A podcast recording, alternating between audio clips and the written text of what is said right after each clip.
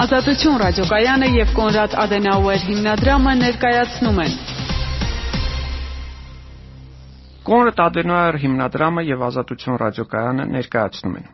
Զրույցներ կորոնավիրուսի մասին հաղորդումների շարքը։ Ես բժիշկ Վահե Տերմինասյանն եմ, իմ այսօրվա հյուրը Հայաստանի Ամերիկյան համալսարանի Թրփանջան հանրային առողջապահության ֆակուլտետի դեկան Վարդուհի Պետրոսյանն է։ Բարի երեկո։ Բարև ձեզ։ Եվ այսպես մենք այսօր փորձենք քննարկել երկրորդ ալիք ասած գաղափարը։ Ընդհանրապես փորձենք հասկանալ ինչ է իրենից ներկայացնում այդ երկրորդ ալիքը։ Երկրորդ ալիքի գաղափարը ընդհանրապես գալիս է 20-րդ դարի սկզբներից, երբ որ մենք ունեինք գրիպի համավարակը, քանի որ այն ժամանակ առաջին ալիքը սկսվել էր մարտ ամսին եւ երկրորդ ալիքը, որը ավելի մահաբեր էր, եղել էր աշնան ամիսներին եւ գիտենք, որ մենք մեզ հայտնի է բոլորիս, որ գրիպը ունի սեզոնային բնույթ եւ այդպիսով եւ գարնանն էր սրացում եղել եւ աշնանը։ Եվ այդ գաղափարը գալիս է այդտեղից սակայն ինչ կլինի նոր կորոնավիրուսի դեպքում չենք կարող ասել, քանի որ կա հետևյալը, այն ոչ մի օրինաչափության չի ենթարկվում եւ արդեն բազմաթիվ երկրների փորձը ցույց է տալիս, նաեւ մեր երկրի փորձը, որ ամռան ամիսներին նա հետ չի նահանջում մի միայն ջերմաստիճանի պատճառով եւ այսինքն այդ օրինաչափությունը այս վիրուսի դեպքում կարծես թե չի գործում եւ ասեմ ավելին եվրոպական բազմաթիվ երկրներում երբ որ իրենք լոկդաունից դուրս եկան եւ թույլատրեցին կարգավորումները շատ շատերում մոտ երկու տասնյակ երկրներում, եթե ոչ ավել, արդեն մենք տեսնում ենք նորից թվերի բարձրացման միտում։ Այսինքն դա հենց երկրորդ ալիքն է։ Այո, եթե մենք ալիք ասելով հասկանում ենք այդ կորերը, պիկերը, եւ կան արդեն երկրներ, որտեղ երկրորդ պիկը առաջինից շատ ավելի բարձր է եղել, օրինակ Իսրայելում, Ճապոնիայում, Ավստրալիայում, Հունաստանում։ Եկեք փորձենք տրամաբանորեն, հա, քննարկել, տեսեք, մենք գիտենք, որ կորոնավիրուսը իսկապես մեր իմացած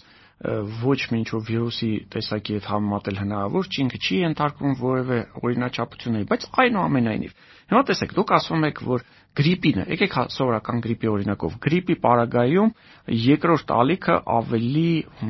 ուժգին էր։ Ինչու՞։ Չէ՞ որ առաջի մի մասը հիվանդացավ, ձեռք բերեցին հակամարմիններ, մենք ունենք մեր մի մասը բնակչությանը արդեն իսկ այսպես իմունիզացված վիճակում էր, բնական իմունիզացիա։ Ինչու է երկրորդ ալիքը հանկարծ լինում ավելի ուժգին։ Թվում է թե պետք է հակառակը լինի։ Ճիշտն ասած, պետք է ուսումնասիրել, քանի որ բազմաֆակտոր է, շատ-շատ տարբեր բաներ են ազդում։ Օրինակ,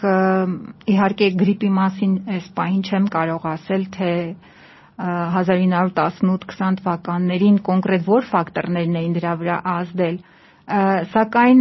նոր կորոնավիրուսի վերաբերյալ գիտենք, որ տարբեր երկրներ տարբեր քաղաքականություն ունեցան, տարբեր ժամանակներում դրանք արեցին, նույնիսկ մեկ երկրի ներսում կան երկրներ, որ բազմաթիվ իրավիճակներ են, օրինակ Միացյալ Նահանգներում, քանի որ այնտեղ կան 50 առանձին ուրեմն նահանգներ եւ ամեն մեկը իր ձևով է մոտեցել հարցին, այդպես կարծես թե 50 տարբեր երկրներ տարբեր փորձառությամբ գտնվում են մեկ երկրում եւ այդտեղ մի քիչ ավելի անհասկանալի իրավիճակ է ստեղծվում։ Մեզ համար լավ է, մենք փոքր երկիր ենք, մեզ մոտ ամեն ինչ པարզ է, բոլորը բոլորին գիտեն, անգամ երևի հիվանդներին, որ անուն առնարդն փորձենք նշենք, երևի կեսին անգիր կիմանանք։ Հիմա եկեք դեպքում փորձենք հասկանալ։ Մենք խոսում ենք նաև այդ իմունիզացիայի մասին, Եվ այդ պարագայում նախ եւ առաջ ձեր կարծիքով իրական հիվանդացության թիվը ինչպիսին է Հայաստանում նշված թիվը մենք գիտենք այդքան է երկու անգամ է ավել 5 անգամ 10 անգամ զուտ ձեր կարծիքը իհարկե ոչ ոք այդ թիվը հստակ ասել չի կարող այո այո իհարկե տարբեր ձևով փորձել են հաշվարկներ անել եւ առողջապահության նախարարության եւ կառավարության կողմից հիմնականում ելնելով մահացածների թվի վրա եւ ենթադրելով, ասենք, որ մոտավոր մահացության տոկոսը անգլերենով case fatality-ն համարվում է 1% միջինում։ Դրանից ելնելով էին ենթադրություններ առնում արվում ավելի շատ իրականում թվերի մասին, քան հայտնաբերված են։ Ես ձեզ բերեմ մեկ օրինակ մեր կողմից կատարված հետազոտության արդյունքներում, երբ որ նախարարության հետ համագործակցությամբ մենք բուժաշխատողների շրջանում արեցինք հակամարմինների վերաբերյալ հետազոտություն, ուրեմն տեսեք ինչ հայտնաբերեցինք, որ միջինում ՊՇՌ տեստով հաստատված թիվը մոտ 3 անգամ ավելի պակաս մարդկանց մոտ է գտնվել, քան հակամարմինները։ Այսինքն հակամարմինները միջինում 3 անգամ ավել շատ բուժաշխատեղների մոտ մենք հայտնաբերեցինք, քան ՊՇՌ-ով հաստատված դեպքերի թիվն է։ Այսինքն մոտավորապես կարող ենք ասել, որ ամեն երրորդն է միայն ունեցել ախտանշաններ, գնացել ստուգվել։ Այդպես է դուրս գալիս, ես կասեի ոչ թե ախտանշան ունեցել, միգուցե կասկածել։ Միգուցե կասկածել, որովհետև միգուցե եղել են թույլ արտահայտված ախտանշաններ կամ օրինակ փորլուծություն, որ մեր հետազոտությունը ցույց տվեց, որ հակամարմին ունեցողները շատ ավելի հաճախ են նշել փորլուծություն ունենալը, քան հակամարմին չունեցողները, մարդիկ շատ հաճախ Փաս չկար, ջերմություն չկար, ուղղակի փորլուծություն։ Այո, այո, եւ կարող է իրենք դա չկապեին նոր կորոնավիրուսի հետ եւ չհանձնեին այդ տեստը, եւ բնականաբար ՊՇՌ-ով հաստատված դեպք չլինեին։ Իդեպ բուժաշխատողների քանի տոկոսի մոտ կար դրական հակամարմիններ։ Ուրեմն մենք մեր հետազոտության մեջ ներառել էինք եւ այն հիվանդանոցները, որոնք կոնկրետ COVID-19 հիվանդներին են բուժում, եւ 10 պոլիկլինիկաներ եւ միջինացված թիվը թիվը մոտավորապես 15% էր հիվանդանոցային բուժաշխատողների մոտ այն տարածվածությունը հասնում էր մոտ 18%-ի, իսկ պոլիկլինիկական օղակում աշխատող բուժաշխատողների մոտ այն հասնում էր մոտավորապես 7-9-8%-ի շրջաններում։ Այսինքն մենք կարող ենք ասել, որ բուժաշխատողները, որոնք աշխատում են իդ հիվանդների հետ, արդեն ամեն 5-րդը կարծես թե հիվանդացել է այս հիվանդությամբ։ Հիվանդանոցային օղակում դա այդպես էր, բայց ասեմ նաև, որ կային մեծ տատանումներ, տարբեր հիվանդանոցների մեջ շատ կար հիվանդանոց, որտեղ ավելի թիվը փոքր էր, կար որ մի փոքր ավելի մեծ էր, եւ մի հետաքրքիր օրինաչափություն էլ նկատեցինք հիվանդանոցային օղակում աշխատող բուժաշխատողների մոտ ավելի մեծ տոկոս հիվանդացողների եղել էր ապրիլ ամսին, այսինքն երբ որ թիվը հիվանդների շատացել էր, իսկ պոլիկլինիկական օղակում մայիս ամսին, այսինքն երբ որ իրենք նոր անցավ իրեն բուժման ճանապարհը։ Այսինքն այստեղ տեսնում ենք միգուցե երևի սկզբնական շրջանում դեռևս գիտելիքները եւ փորձառությունը բավարար չէր, որ պաշտպանվեն այդ հատուկ միջոցներով եւ արդեն հետագա ամիսներին այդ թվերը խիստ նվազեցին։ Իդեպ եթե խոսում ենք հակամարմինների մասին, մի շատ հետաքրքիր երևույթ էլ կա։ Հակամարմինները բավականին տարբեր քանակությամբ են լինում տարբեր մարդկանց մոտ ձեր հետազոտության մեջ ուղղակի այսպես պլյուս-մինուս տարբերակներ ուներ հակամարմին, թե ոչ, թե նաև այդ հակամարմինների մակարդակներ որոշվում եւ ինչպիսի եթե այո, ապա ինչպիսի տատանումներ կային։ Ես այս պահին տատանումներից տեղյակ չեմ, եթե այո էր, այնտեղ կար քանակական ցուցանիշ, որին ես ինքս չեմ ուսումնասիրել այդ ցուցանիշը, սակայն այստեղ մեզ մոտ կա հակամարմին G եւ հակամարմին M-ը այս տեստը ցույց է տալիս այդ երկուսը միասին գիտեք M-ը ավելի վաղ շրջանում էր առաջանում իսկ G-ն ավելի ուշ լավ կլիներ որ առանձնացված լիներ բայց մեզ անհրաժեշտ էր մի տեստ գտնել որը ուներ շատ բարձր սպეციფიკություն, ոչ միայն զգայունություն, որովհետեւ մենք կարողանանք որոշում կայացնողներին ինչ որ իմաստ ունեցող թվեր տրամադրենք։ Լավ, ամեն դեպքում եկեք վերադառնանք մեր երկրորդ ալիքի գաղափարին եւ հասկանանք, տեսեք, մենք շատ շատերը ասում են, այ հիմա տեսեք աշնանը եւ ձմռանը, քանի որ սեզոնային գրիպը ակտիվանում է, նաեւ պետք է սпасել, որ կակտիվանա նաեւ կորոնավիրուսը։ Բայց չէ որ կորոնավիրուսը տաք սեզոնին, այսպես ասած, չ դեզակտիվացավ, այսինքն չնահանջեց, ոնց ակտիվ կար, այդպես էլ ակտիվ մնաց, եւ ինչու պիտի նա ավելի ակտիվանա աշնանը կամ ծբրանը։ Անհանգստության աղբյուրը հետեւյալն է, որ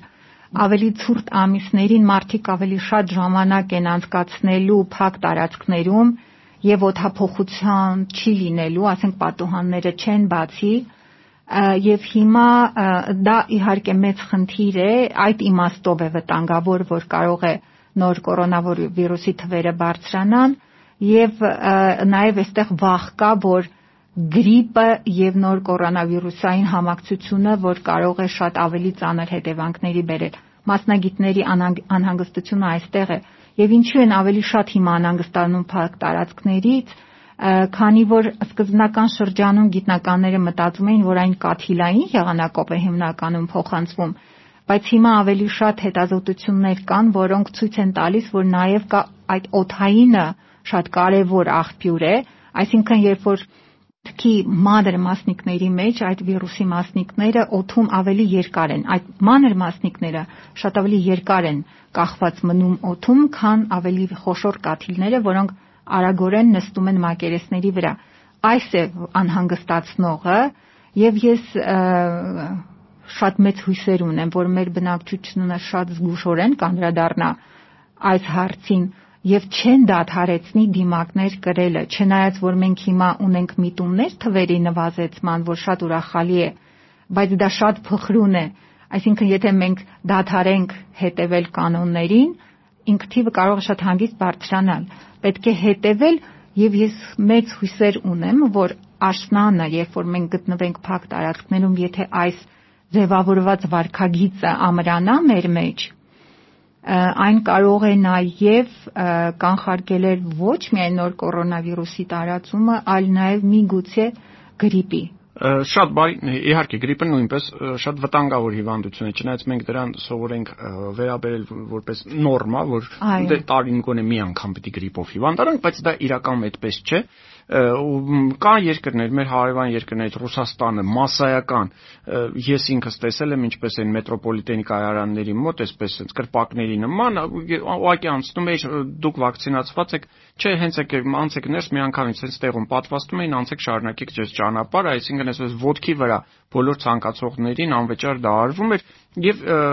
իսկապես նույն Մոսկվան օրինակ ասում են որ վերջի մի քանի տարվա ընթացքում իրեն գրիպի գրիպի էպիդեմիաներ չեն ունեցել լավ տարբերակ է ամենայն դեպս ես կարծում եմ որ այստեղ էլ ամեն տարի ասում են բայց չգիտես ինչու մարդիկ չեն հետևում այդ կանոնին հիմա այնուամենայնիվ ձեր կարծիքով Հայաստանում երկրորդ ալիք կլինի թե չէ հաշվի առնելով եկեք փորձենք համատենք երկու գործոն. Մի կողմից աշնան եւ ծմերվա ցուրտ եղանակը եւ փակ տարածությունը մյուս կողմից այն որ բնակչության մի զգալի ստվար զանգված արդեն իսկ վարակվել է եւ ունի հակամարմիններ։ Հիմա եթե փորձենք այդ երկուսը համադրել, ձեր կարծիքով կունենանք թվերի բարձրացում, կունենանք երկրորդ ալիք, թե չենք ունենա։ Ես ասեմ, որ իմ կարծիքով թվերի բարձրացում այնուամենայնիվ կլինի, քանի որ փակ տարածքներում են գտնվելու, այդտեղ ռիսկը ավելի մեծ է։ Ահա սակայն կցանկանամ նշել ավելի շատ քանակի հիվանդացածների վերաբերյալ այդ թեզը գիտեք դա անգլերենով կոչվում է herd immunity կամ